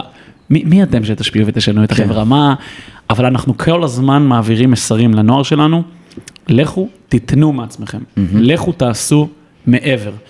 עכשיו, בשביל להיות בן אדם שנותן, שעושה מעבר, שמנסה להשפיע על החלקת אלוהים הקטנה שלו, ואתה יודע, זה לאט לאט גדל המעגלי ההשפעה האלה, כן. אתה רואה לדוגמה על הפודקאסט שלך, כן. עצם זה שזה מתחיל להגיע ולהרחיב מעגלים. ועוד מעגלים. אתה נוגע באנשים, נכון. זה, זה משפיע, זה נותן ערך חיובי לעולם.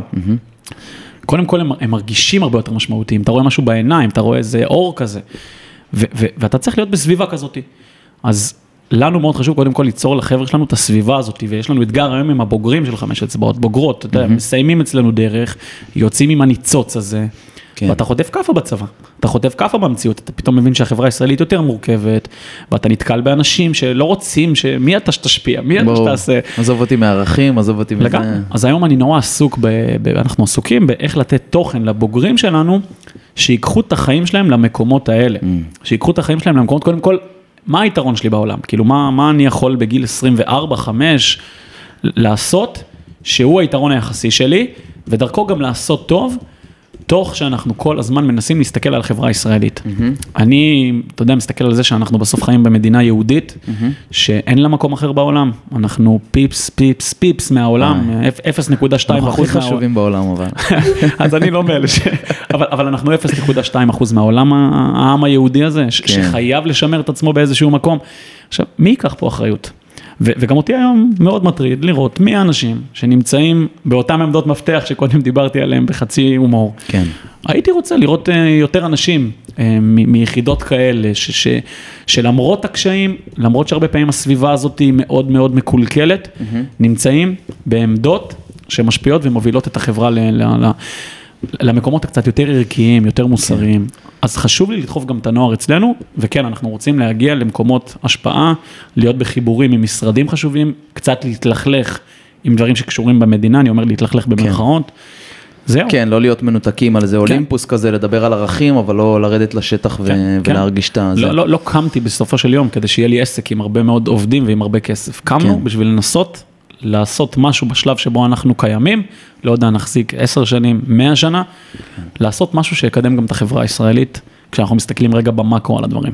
כן. תשמע, אמרת מקודם על האנשים שנמצאים בעמדות מפתח, ובאמת גם אני ברמה האישית, וגם זה השיח שאני, אני שומע שיח מאוד קשה היום במדינה, כאילו, שיח, כמה, ח- אה, כאילו כמה חרא פה, וכמה קשה פה, וכמה קשה לאנשים בגיל שלנו, אתה יודע, בשנות ה-20, 30, אה, לקדם את החיים שלהם, ואנחנו פריבילגים, כן, אבל אתה יודע, נכון, נכון. לשכור דירה וכל היוקר המחיה ודברים כאלה, אבל גם מאוד מאוד מטריד בימים האחרונים, ואני שומע שיח לפני הבחירות שאין למי להצביע. כל הזמן אני שומע את המשפט הזה, אין למי להצביע, ואני אומר, איך הגענו למצב הזה? כאילו, ממש, אתה יודע, אנחנו עוברים פה חמש מערכות בחירות, ובאמת, אמיתי, אני מסתכל ואני אומר, וואלה, אין שם מישהו שהוא מעורר בי איזה רגש חיובי. וההזדמנות שיש לנו, כי אתה יודע, כל משבר בסוף זה הזדמנות, זה להצמיח את הדברים היום מלמטה. כן. ויש אנשים רעבים, אנשים צמאים לזה. אני רואה, אתה יודע, אנחנו עושים איזה ערב לבוגרים, בוגרות שלנו, מביאים איזושהי הרצאה. בן אדם, אתה יודע, שבא מאיזשהו מגזר מסוים בחברה הישראלית, כדי לדבר איתם על המורכבות של המגזר שלו, אתה יודע, מגיעים לך במוצאי שבת, 200, 300 בוגרים, יושבים, אכפת להם. אז כשאתה נותן להם משהו איכותי היום, שאתה, שאתה בא מלמטה, עם קהילות, כן. היום אתה יודע, אנחנו חיים בקהילות, החברה שלנו מורכבת, אי אפשר, אני לא מאמין בלהשפיע על כולם. ופתאום קהילה מתחברת עם קהילה קצת שונה, מתחילים להיווצר חיבורים מדהימים, והיום זה מאוד מעניין אותי, איך מייצרים את החיבורים האלה מלמטה, עם אנשים שאתה רואה שבסופו של יום האינטרס שלהם הוא לחבר, הוא לאחד. האינטרס שלהם הוא לא אני ואיך אני גדול כן. וחזק. זה מפחיד אותי. כן, כן. אז תגיד, דיבר, אמרת, דיברת על השפעה, אני רוצה שתיקח אותי לאיזה רגע, שככה אמרת, ש- כאילו הגיע לך איזה בוגר או איזה מדריך וזה, ואמרת, וואלה, בשביל זה באתי. עכשיו, אם, אם, אם מחר בבוקר יסגרו לי את הארגון, אני מרגיש טוב. וואו, תשמע, זה, זה דברים קודם כל שאני מתמודד, חווה אותם ברמה יומיומית, אני אומר את זה פה פתוח. חוויות, ה- כאילו, הסיפוק הזה, סיפור. הרגעים המרגשים, ההודעות פתאום שאתה מקבל. יודע, אני אגיד את הדבר שאני אולי הכי גאה בו. מעבר לזה שאני חושב שהצלחנו ליצור, ואתה יודע, חובת ההוכחה היא יום יום עלינו, ו... אבל ארגון חינוכי מקצועני, ואני רוצה להשתמש במילה מקצועני, כי זה מאוד מאוד השייטת, המקצוענות, כן, אני גאה בזה. כאילו, יצרנו ארגון שהוא הוא מתנהל בצורה רצינית, הוא, הוא עובד יפה, וזה קורה, וזו הגאווה הכי גדולה שלי, בזכות זה שיש פה צוות, שנמצא הרבה מאוד שנים ביחד, חוץ מאבא שלי וממני. יש קבוצה של מעל עשרה אנשים שכבר מעל חמש-שש שנים בתוך הדבר הזה, והם לא קוראים לזה עבודה, הם לא עובדים בחמש אצבעות. יאללה. וזה אנשים שאני יכול להגיד שביחס לסביבה שלנו, הם לא מרוויחים כמו חברים מקבילים שלנו בהייטק, או, או אנשים שיכלו להגיע מאוד רחוק, אבל הם מחויבים לדבר. חמש אצבעות זה לא שלי, זה לא של ליאור מנחם, זה תנועה של אנשים שאתה יודע, נותנים את נשמתם. אז קודם כל, אני, אני רואה את הצוות שלידי, ש, שגדל, שמתפתח, ואני רואה איזה אנשים הם הופכים להיות עם הזמן. זה הדבר שאולי הכי מרגש אותי. ותשמע, סיפורים כאילו קורים ברמה יומיומית, יש לנו. עכשיו במכינה אה, בחור בשם נתן בוז'נה, אה, שדרך אגב מי שאימן אותו זה אסף טבצ'ניק, שגם שירת ביחידה, כן. בחור נדיר שנמצא איתנו כבר ארבע שנים, חמש אצבעות, והבחור הזה שנה שעברה קיבל, אני לא אכנס פה לבעיה הרפואית הזאת, אבל פלא גוף תחתון, פתאום באמצע החיים משותק, וואו. בגלל איזה משהו בעמוד שדרה שקורה בצורה נדירה. עזוב שליווינו אותו תהליך, בית לוינשטיין, בית לוינשטיין, התקשרו אלינו, לאסף, תגידו, מה, מה הסיפור עם הנתן בוז'נה הזה? הבן אדם הזה כאילו קיבל דבר נדיר שקורה פעם ב- לילד, הרוב מתפרקים מזה, הוא בתהליך שיקום הכי מהיר שראינו, וואו. כי כל הזמן הוא, הוא לא מוותר, הוא נמצא בסביבה, בסדר, של חברים שכל הזמן באים לבקר אותו פה בבית לוינשטיין, הוא רוצה כל הזמן ללכת עם הכיסא גלגלים לאימונים שלכם, ועכשיו הוא במכינה שלנו, נמצא שם יום יום, הוא כבר חצי הולך. עכשיו תשמע, אני רואה כל היום ילדים ש- שנותנים לי השראה. כן. כאילו, אני, מי אני? אני רואה את החבר'ה האלה, אני רואה את הנוער הזה, הם מדהימים, והכל בסוף במה אתה מתמקד. כן. ופתאום הם משפיעים אחד על השני. ו... אז אני חווה את זה המון. איזה כיף, איזה, כן. איזה, איזה כן. שליחות, איזה אושר. מיכה איזה- סימבליסטה היה פה. כן. אה, ומדובר פה נירים, שלומי אבני, יש כן. לנו עכשיו גם במכינה בחור מנירים, אה, הנכד של חיון. וואלה. כן, אוי, כן. איזה קטע, אתמול הייתי בערב צוות עם החבר'ה ואמרנו חיון, כאילו, אמרו לי, למה אתה לא מביא את חיון לפרק? אמרתי, וואלה, כאילו, יש על הבן אדם בוחן, אז הוא חייב. להיות אז בפרק. הנכד של חיון, בוחן כן. חיון, אצלנו, ואתה יודע, אני רואה, הוא הגיע מנירים, שזה מוסד שאני מעריץ את כן, נירים. מוסד קדוש, באמת. וואו, וואו, וואו. ואני אני רואה מה הם עשו לו, מה, זה- מאיזה מקום הוא הגיע בחיים ומה המקום הזה עשה לילד. בואנה, הוא אחד המובילים אצלנו כן. במכינה, ואני מקבל השראה מהילדים האלה. וואו, אחי, איזה מרגש שיש אדם בעולם שעבר תהליך בגלל שני ארגונים שהקימו בתוך הקהילה שלנו, זה לשייטת יש כוח אדיר. אד- אד- אדיר, זה קהילה אדיר. משוגעת, כן, כאילו, כן, איזה ואני- איזה אני- עוצמות. אני אומר הרבה מאוד לבני נוער בחמש אצבעות, שבלי ששירתי בשייטת, ואני לא אומר להם לכו לשייטת, כאילו לכו תעשו מה שאתם מרגישים לנכון, אבל השייטת, בזכותה כאילו יש המון ממה שקורה פה, כן. אין, אין מה לעשות, אני אומר את זה בצורה ברור, מאוד פתוחה זה- וכנה, וגם לזה אני מרגיש כל החיים מחויב להחזיר ליחידה איפה שאני יכול. אז איך אתה, איך אתה באמת מחזיר, מה... תשמע, אני עושה הרבה מאוד היום מילואים, יוצא לי כן. לעשות אזור ה-50 יום בשנה. וואו. רוב הימי מילואים שלי הם הרצאות בצבא, אה, שזה גם, אפרופו לצאת מהמערה, נחשפתי לצה"ל, והיום אה. אני מרצה ב- בעיקר בקורסי מפקדים. מחר בבוקר, נגיד יום שבת, אני נוסע להרצות בבה"ד 1 באיזה וואלה. שבת מחזורית לפני שהם מסיימים גפן שם, אז אני עובד המון עם הצבא.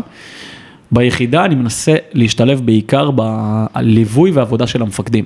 קורס מפק"צים, איך מפק"צים, תראה, יש היום אתגר שאנחנו חמש אצבעות מתעסקים בו הרבה, אנחנו עובדים עם 8200, עובדים עם השב"כ. איך אתה מבין את דור ה-Z? דור ה-Z, זה דור מורכב, אה? זה, זה, זה חתיכת דור, תשמע, כמו כל דור, יתרונות ברור, חסרונות, כן. אבל אתה צריך שיהיה לך כלים. המילת מפתח היא, היא לייצר מחויבות. מאוד מאוד קשה היום ליצור מחויבות בדור ה-Z. למה? כי הם מאוד אינדיבידואלים. כן. הם רואים עולם שחי בקצבים מטורפים, הם כל הזמן באיזשהו פומו, אז הם לא יכולים להתחייב. כן. אתה חייב כמנהל, כמפקד צוות. להבין את הדור הזה ולתת לו את הכלים הנדרשים. אז לי חשוב ביחידה לתת את הערך הזה, כי אני בסוף בא עם איזושהי מומחיות, שאני חושב שהיחידה יכולה להיעזר בה מאוד, אה, ואני מנסה לתת כמה שאני יכול. פגז. טוב, אנחנו מתחילים להתכנס לסיום, לצערנו. כן, כן. אה, אני רוצה ללכת שנייה אליך באופן אישי לשתי, לשתי נקודות, שתי נקודות. אחת, אה, כאילו, אני חושב שהן די שזורות אחת בשנייה, תענה על זה איך שאתה רוצה, אבל היום אתה בעצם אה, עומד בראש ארגון, אתה יודע, בתוך, בראש תנועה שהיא, שהיא ענקית. אז א', איך זה מרגיש לך פתאום, אתה יודע, ל, ל, כאילו אתה צריך לקבל המון המון החלטות, ואתה צריך להבין איפה לשים את כובד המשקל שלך, אז טיפה, אה, טיפה תתאר לי על זה. והדבר השני שאני כל הזמן שם לב אליך, ואני חושב שזה דבר שהוא סופר חשוב, זה ה-growth mindset, כאילו אתה כל הזמן לומד, נגעתי בזה מקודם, אבל תתאר לי כאילו מה, גם, אה, אתה יודע, כנראה יש לך גם הרגלים קטנים שעוזרים לך לשמור על הדבר הזה, נגיד, לא יודע, פעם בשבוע אני חייב לקרוא זה, או פעם בזה אני חייב את המחקר הזה, אז תן לי שנייה, ככה, overview עליך. די עם הארגון והחברה, בוא נדבר קצת עליך, בסוף הבן אדם שמאחורה. כן. תשמע, אני חושב, אה, עם השנים, ויש דבר מדהים בחינוך, ובכלל בעבודה עם אנשים, בסדר? אנשים שיש תחתם אנשים, אתה מבין עם הזמן כמה אתה לא מבין. ו- וזה הכיף, אתה יודע, כן. כאילו אתה, אני זוכר את עצמי כמפקץ קצת זחוח כזה. יודע הכל. אחד, אני אבנה צוות מאוד חזק בשייטת, יא, כאפה, יא חמוד אחד, מי אתה בכלל, מה אתה מבין? ואתה יודע, אחד הדברים שעם השנים בחינוך, אתה לא יכול לזייף. ילד בהתחלה מסתכל עליך, טוב, אתה רץ מהר, אתה מדבר טוב, כן. אחרי חודש הוא רואה, מי אתה באמת? אי אפשר לזייף בחינוך. אז אני, אני חושב שהעבודה הזאת היא גרמה לי קודם כל, כל הזמן להיות חייב להשתנות, להתפתח, להתאים את עצמי, השינו, השטח, העבודה בשטח מחייבת אותך, או גורמת לך כל הזמן לראות מה קורה, יש שינויים כל הזמן שקורים, אני יכול רק לזה להיכנס בלי סוף, ואני נהנה מהמוטרדות. אני אוקיי. כל הזמן מוטרד. וואו. אבל אני אוהב את זה. אתה יודע, זה, זה, תשאל את, את, את אשתי שחיה איתי, רואה אותי, אתה יודע, יש לילות שאני פתאום יושב אה, כמה שעות כי אני תקוע על איזה משהו שאני חייב לפתור, או, או פתאום אני קם באמצע הלילה כי וואלה אני מוטרד, אבל אני נהנה מזה שאני מוטרד, אני, אני חושב שזה זכות להיות מוטרד, אתה מבין? מהדברים האלה, ברור. כן, כן, כאילו, וגם הדברים הפחות טובים. כן. אני נשמע בפרק, יש מלא דברים לא ורודים. ברור. מלא דברים שלא מצליחים. ואני מבין שכל דבר בסופו של יום זה חלק מדרך, והכי חשוב זה להיצמד לערכים ולמה שהתכנסנו בשבילו. Mm. כי, כי הגדרנו בחמש אצבעות בצורה מאוד ברורה מה הערכים שלנו. Mm-hmm. ולאורך השנים, כל פעם שסטינו מהערכים שמובילים אותנו, שם נפלנו. כן. בין אם זה ב- ב- ב- בן אדם שלא מתאים מבחינה ערכית למקום, או ללכת על איזושהי נישה או שיתוף פעולה שזה לא מה שאנחנו זה לא בלב של מאמינים הפעילות. בו, שם נפלנו. אז אני, איך אתה מנטר את זה, כאילו, באמת שאתה כל הזמן צמוד לערכים? אני מוקף באנשים יותר חכמים ממני רוב הזמן, אני מתייעץ המון, אני לא מתבייש הרבה פעמים להגיד שאני לא יודע, לא מבין, כן. גורם לאנשים שסביבי אה, להרגיש שהם יכולים להשפיע, לקחת החלטות, ו... ולנסות, התפקיד שלי היום, אם אתה שואל אותי, אתה יודע, אנחנו אוהבים להקביל לאונייה, ל- לעמוד בגשר, לא להפריע לכל הכלי הגדול והמורכב הזה להפליג, ולוודא פשוט שאנחנו פעם ב, אתה יודע, לא נכנסים בקרחון כן. הזה שהם בדרך, ואנחנו באמת בכיוון של היעד, אז זה כל הזמן לדייק את החזון, את, את הכיוונים שאליהם אנחנו הולכים, איך מתמודדים עם האתגרים, ולתת לאנשים שלידי לצמוח, ואתה יודע, איפה שאני לא רלוונטי, פשוט לנתק. כן. אז- לא, לא, לא, לא לקבל את ה... כאילו, לתת להם להחליט בעצמם, ו... כן, כן, אז זה בהיבט של, אתה יודע, להיות ראש, תקרא לזה, של תנועה, של ארגון, שיש כן. בזה סיפוק גדול, אני, אתה יודע, לא, לא רוצה לשחק אותה גם צנוע ולהגיד לך, אה, ברור. אני מאוד נהנה מזה, זה, זה זכות אדירה. ומצד שני, אתה יודע, תמיד כשאתה מגיע לעמדה מסוימת, אתה פתאום שומע על מישהו שעושה דבר הרבה יותר גדול. כן, זה תמיד. הסיפור הזה של כן. השוואות, זה- הוא מסוכן, כן, לא אבל אני נהנה מזה, כאילו, כן. אני נהנה לפגוש את האנשים, או לראות את האנשים שבואנה, כאילו, מי אני בכלל, למה עוד אפשר להגיע. כן, צריך להשוות בצורה חיובית, כאילו, בצורה כן. בונה עבור עצמך. אני גם חושב שאתה יודע, זה בזכות איזשהו בן אדם שפגשתי לפני 3-4 שנים, קוראים לו אורי כרמי, אני לא מתבייש להגיד פה את השם הזה, כן. שהוא הוא האנתרופולוג של חמש אצבעות, יש לנו אנתרופולוג. אני חושב שהוא עזר לי להבין שאחד הדברים הכיפים בחיים זה, אתה לא כל כך מעניין. אז, אז כאילו אם יש לי יום לא טוב, הרצאה לא טובה, כן. עשיתי משהו לא טוב בפגישה, כאילו, היא, היא כנראה עכשיו בלילה לא חושבת על זה שההרצאה ממש. של אמיר מנחם הייתה הרצאה גרועה, כאילו, כן. הכל טוב, כאילו, אתה מתקדם, זה, זה נורא החוסן הזה של היחידה, Keep כן, going כזה. כן, למדת, כאילו, כן. אתה יודע, תזוז, כן, תזוז מהר, תלמד וזה. כן, כן, עכשיו ההרגלים של היום-יום, כי שאלת על זה. כן. תראה, זה, זה, זה, אני מאוד אוהב את הדברים שאני מתעסק בהם, אז אוטומטית אני קורא הרבה על הדברים, אני, אתה יודע, מעשיר את עצמי, אני נפגש הרבה עם אנשים, זה גם איזושהי פריבילגיה שהיום ברור. יש לי אותה, אבל אמ, אני חושב שעצם זה שאני נמצא בסביבה, שכולם די חיים ואוהבים את העיסוק בדבר, כן. אנחנו כל הזמן מפרים את עצמנו, ואנחנו מייצרים הרבה תכנים. אם זה איזשהו ככה, לא, לא, לא אקרא לזה טיפ, אבל משהו חשוב, יש לנו בתוך הלו"ז בחמש אצבעות, לפחות 30 אחוז מהלו"ז, שזה דברים שקשורים בלמידה, בהתפתחות, בלהבין שאנחנו לא מבינים. וואו. להביא אנשים מבחוץ, לייצר זמן שאנחנו סביב איזשהו מאמר, הפודקאסטים, להביא את האנשים שיכולים להעשיר אותנו. Mm-hmm. ואני חושב שזה שאנחנו 30 אחוז עסוקים בלצאת רגע מהעשייה, בלצאת שנייה מהשגרה, מהחיכוך היומיומי, ללמידה, לעצור שנייה, ללמוד. וואי, זה מהמם. כל הזמן התפתחות. אחי, אם, אם, אם ארגונים היו שמים אפילו 10% מה, 10% מהזמן שלהם ל, ללמידה והתפתחות, אתה שם 30% 30 מהזמן. 30 אחוז, וזה ממש בלוז, ואתה יודע, כל אחד שהוא מנהל צוות אצלנו צריך לתת את זה לאלה שתחתיו, ולגדול על זה. מדהים. טוב, אני רוצה שאלה אחרונה לפני, לפני השאלה האחרונה, okay. okay. בסדר? תמיד יש את השלב, זה כמו, אתה יודע, בגלי... איזה כיף. כן, רגע, מה הזמנים שלך, בסדר? אני פיקס, אני יאללה, פיקס. זה כמו בגלישה, אני אספר למאזיננו הגולשים. אגב, עוד מעט תהיה תחרות גלישה של היחידה, וזה שוב פעם, בפעם החמישית. אתם מוזמנים, אבל תמיד בגלישה יש את הקטע הזה שאתה אומר, טוב, גל אחרון, גל אחרון, ותמיד, איך שאתה מכריז גל אחרון, זה משם יש עוד שעה. נכון. אז תיזהר. אה, אה, רציתי לשאול אותך, אתה שיתפת לא מזמן איזושהי כתבה על אה, למה כל ארגון צריך יועץ משייטת או מטכ"ל או מספיישל פורסס כאילו. כן. ובוא, כי נגענו המון בחברה וקהילה וזה, מה, איזה, וככה, אתה יודע, בראשי פרקים, אם אתה יכול, בראשי כן. פרקים, יש... איזה דברים שאתה, שאתה רואה באמת שהמנטליות הזאת, ש, שבאמת הערכים והצורת התנהלות ש, שאנחנו מכירים מהכוחות המיוחדים, בוא נקרא לזה, אפשר להביא לעולם העסקי ובאמת אה, לתת שם value. כן. יש כתב אה, ספורט, אוריאל דסקל. המלך. אני מאוד אוהב. אירחת אותו גם בפודקאסט. אירחתי, אה, התארחתי אצלו נכון. בפודקאסט שלו, בכל יום נתון, ואני מאוד אוהב, אני חושב שהוא נותן לנו, אתה יודע, אנשי, אנשים שאוהבים ספורט, חושף אותנו להרבה מאוד זוויות. גם עומק, הוא נותן עומק. תרבות, כן. חברה. אה, אני מאוד אוהב. הישגים, מדידות, אנליטיקה, כן. הוא נוגע במלא. והוא הוא ואני ביחסים טובים, אנחנו מדברים המון על הדברים האלה, ואני חושב ש... באופן כללי, אה, יש במדינה שלנו כל כך הרבה דברים טובים, כדוגמת דברים שקורים בתוך הצבא, תהליכים מאוד מתקדמים, אתה יודע שאנחנו מצליחים להגיע לרמה של טופ עולמי. Mm. ואנחנו לא מצליחים ליישם את זה בהרבה תחומים אחרים. דסקל מדבר על זה המון דרך, על עולם הספורט, כאילו, mm-hmm. תחשוב שהתאחדות לכדורגל, אני במקרה גם מכיר את הגופים האלה מבפנים, היו מצליחים לקחת את אותם דברים, mm-hmm. להטמיע אצלם, אני אומר לך, והרבה יגידו לי לא נכון, מבחינה גנטית אנחנו לא ברמה עולמית. אם יביאו את התרבות ואת תרבות האיתור גם, כי זה הרבה קשור לאיתור ולדברים שקורים. הילדים, זה מתחיל מהילדים. נכון, איך אתה בעצם מביא את האנשים הנכונים, המתאימים לאותו תחום, אנחנו יכולים להיות גם בספורט ברמות הגבוהות ביותר. כן. לא להיות מעצמה עולמית, להיות ברמה אחרת לגמרי ולא לחיות על הבלחות. כמו כן. בספורט הישראלי, שאנחנו תלויים בזה שתהיה עלייה מברית המועצות, עלייה מאתיופיה, כן. או, ויהיה לנו כמה בטופ העולמי, או איזה מישהי כן. מקניה שבמקרה דנסל פטר הכיר. כן. הסיפור פה, זה שהתרבות פה היא לקויה. אם אתה שואל אותי, וארגון כמו חיל אוויר, יש לי במקרה בן אדם שעובד איתי שהוא, קוראים לו עומר אדמו ונמצא בעמדה בכירה אצלנו והוא טייס, mm-hmm. מביא המון את התרבות של חיל אוויר.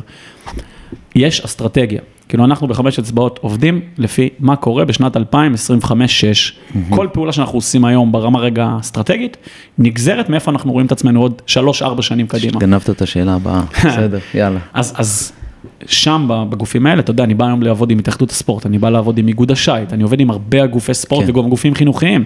אתה כל הזמן רואה איזה הישרדות באוויר, מלחמת קיום, וזה לא קשור לתקציבים, וזה לא קשור לזה ששר הספורט לא, זה קשור לזה שהם לא יושבים, כן. מגדירים את הדברים, ואיפה, לאן אנחנו רוצים להגיע? למה? כי מה? כי זה, כי זה הישראבלוף הזה? זה התרבות הישראלית? זה מה? זה המנטליות של האחי יהיה בסדר? מה? זה הרבה סיבות, אבל זה אנשים שנמצאים בעמדות מפתח שהם לא מוכשרים לדבר. נתחיל בזה, הרבה פעמים יש עסקונה שמובילה, כן. ולא אנשים שבאים מתוך מהות.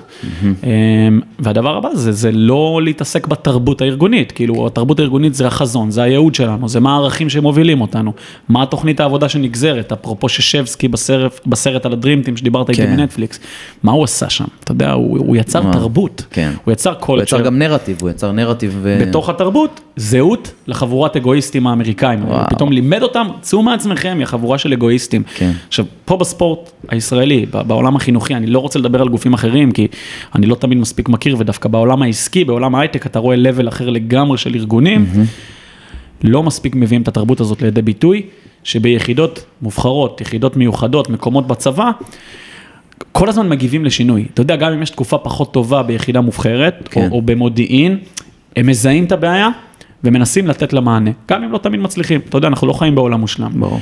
ושם אני מרגיש פספוס אה, גדול, קודם כל בלשאול את השאלות, בלייצר פורומים שבואו רגע נדבר, ננתח את הבעיות, לאן אנחנו רוצים להגיע ומה עושים בשביל לשנות. כן. וזה בסוף תלוי תמיד, אתה יודע, בצוות מנהל, באנשים שלמעלה, שהם מביאים את הרוח הזאת, וזה חסר. כן, וזה מחלחל למטה, כאילו הרוח הזאת של ה vision. כן, כן, אז אני חושב שזה הפרמטר, דרך אגב, הכי משמעותי בארגון. אתה יודע, מנהלים, מנכ"לים שבאים עם רוח, עם אש, עם אמונה, עם אהבת אדם, כן. זה מחלחל למטה. כן, זה אחד הנקודות שרשומות לי, שאתה, אני מסתכל עליך ואתה, יש לך איזה מנוע כזה, אחי, שאתה, אתה אומר, בן זונה, אתה כאילו, מאיפה, הוא מאיפה הוא מביא את זה, אבל אתה מבין ש... אין, אתה מסתכל עליך, ואני שומע את הדברים, ואני רואה, אתה במקום הנכון לך, ובמקום שאתה, באמת שאתה, אה, שאתה, שאתה רוצה לקום בבוקר בשביל העבודה שלך, זה טפו טפו, אני מקווה שכל אחד ימצא את ה... ימצא את, את הנישה הזאת שלו, הלכה למעשה זה לא קורה בחיים האמיתיים, אבל... אמ, ודבר אחרון שרציתי להגיד לך, אה, אז לא, לא ענית, לא ענית לחלוטין על השאלה, אבל איפה, איפה באמת אתה רואה את, הארגון עוד אה, חמש, עשר שנים? כי נשמע שאתם אה, אתם כל הזמן שם, במחשבות, כאילו, על, ה, על הטווח הרחוק. כן, כן. אני אגיד את הדבר הראשון שאני מאוד עסוק בלהגיע למגזרים הרבה יותר מורכבים, מאוד מעסיקה אותי החברה הערבית, אה, מאוד מע- מעניין אותי העולם החרדי, אם אתה מסתכל לאיזה כיוון מדינת ישראל הולכת, אה, אז הולך להיות פה רוב שהוא לא בהכרח ציוני בעתיד, ואם לא נדע גם לקחת את זה לכיוון קצת אחר וגם לדעת לשלב, יהיה פה קשה מאוד. ומאוד מעניין אותי איך הולך להיראות העולם של הדבר הזה שקוראים לו בית ספר, או המסגרת הפורמלית. זה חתיכת נושא, בסדר? אבל אני לא חושב שבתי הספר הולכים להיראות כמו שזה נראה היום. הם נראים כבר אה, במאה ה-50 זה, שנה זה, האחרונות זה כבר אותו דבר. אחרי ה, מה שנקרא התפרקות, זה כן. עכשיו, ב, ב, זה, זה די נגמר בעיניי, אני לא איזה כן. נביא זעם, אני פשוט באמת שם, אני רואה... אתה רואה את משרד החינוך, כן, כאילו, מנער ב- את התיקי תרגיל? כן, אני נמצא בפורומים בכירים. אני רואה מה קורה. שמה, הם מבינים שהם איבדו, הם איבדו את הכיוון, כאילו, שהם לא מחזיקים את ה... כן, הם מבינים שיש משהו, זה, זה, אתה יודע, זה, זה פשוט עניין של כמה זמן זה ייגמר, כן. ויהיו גופים שייכנסו לחלל הזה, של להחליף את הבתי ספר כמו שאנחנו מכירים היום. Mm. אני חושב שהדור שלך ושלי כהורים קצת יותר מבוגרים, די יבחר לאן לשלוח את הילד שלו. מהמם, קבלו ואוצ'ר מהמדינה, כמו חדר לידה. אז- קבלו ואוצ'ר, תלכו לאיזה בית ספר אני שאתם- רוצה שהילד שלי יגדל במשהו שקשור לניגון, אתה יודע, למשחק, לשם אני אשלח אותו, ואני כן. חושב שחמש אצבעות, אני לא רוצה להגיד חמש, עשר, אנחנו ניכנס לחלל הזה, של איך להשלים את הזמן הזה, שבסוף ילדים צריכים לגדול בו ולהתפתח. אבל זה נושאים שאתה יודע, בסדר, זה, אפשר לדבר על עליהם. כן. טוב, מעולה, אחי, אמ, אני, אנחנו נסיים ב, בטון הזה, עם vision, עם, עם, עם ילדים, אני כבר, אתה יודע, אני, אני מתרגש אה, בשבילך וגם בשביל הילדים שלי, לראות איך אתה, איך אתה תשפיע ב-10-15 שנים הבאות. אם תפתח בית ספר, אני אשלח את הילד שלי לשם, זה בטוח. אה, וגם לתנועת נוער. אגב, אתמול, אני, אתן- אני, אני, אני אשתף את הסיפור, אבל כאילו חבר, חבר מאוד מאוד טוב מהצוות, אמרתי לו כאילו שאתה, שאני מקליט איתך מחר פרק, והוא אמר, אמיר, הוא שינה, הוא שינה את החיים של אח שלי, כאילו אח שלי היה יכול להיות אה, אה, ילד כזה, צפון תל אביבי זה, והוא הלך לחמש אצבעות וואו. ועבר את, ה, עבר את הצד, ו... אז אני, אני גם, אתה יודע, קודם כל מעריך את הפרגון, וגם את הבמה הזאתי, כן, ואני אגיד לך, למאזינים, שבסוף זה הסיפור. עם כל הדברים הגדולים ועם כל הכיוונים, אני אישית קם בבוקר בגלל אותו ילד. כן. ואני תמיד נזכר גם רגע איפה אני הייתי, כאילו אמיר בן ה-13-14, מה הוא רצה? הוא רצה לראות בן אדם עם תשוקה, שבואנה, הוא מראה לי את הדרך, ושלא נשכח רגע מה הכי חשוב, כי אה, תמיד יש חלומות, ומבחינתי החלום הוא עכשיו, אתה יודע, אתה כן. ואני יושבים ומדברים בכזאת, בכזה כיף, בכזה, זה זכות, וזה זה החלום, מה שנקרא, יאללה, אז אתה חי את החלום, אחי. חיים. אחי, תודה על הבמה. באמת. מדהים, מדהים, תודה, ואני... היה פה מלא מלא תובנות, והמאזינים שלנו, אני בטוח ייהנו, וזהו, שוב, תודה רבה, שתהיה שבת שלום, ותנוח קצת גם לפעמים, לא? לא, לגמרי, לגמרי. תזכור גם לנוח. שבת שלום. יאללה, אח שלי, תודה. רבה.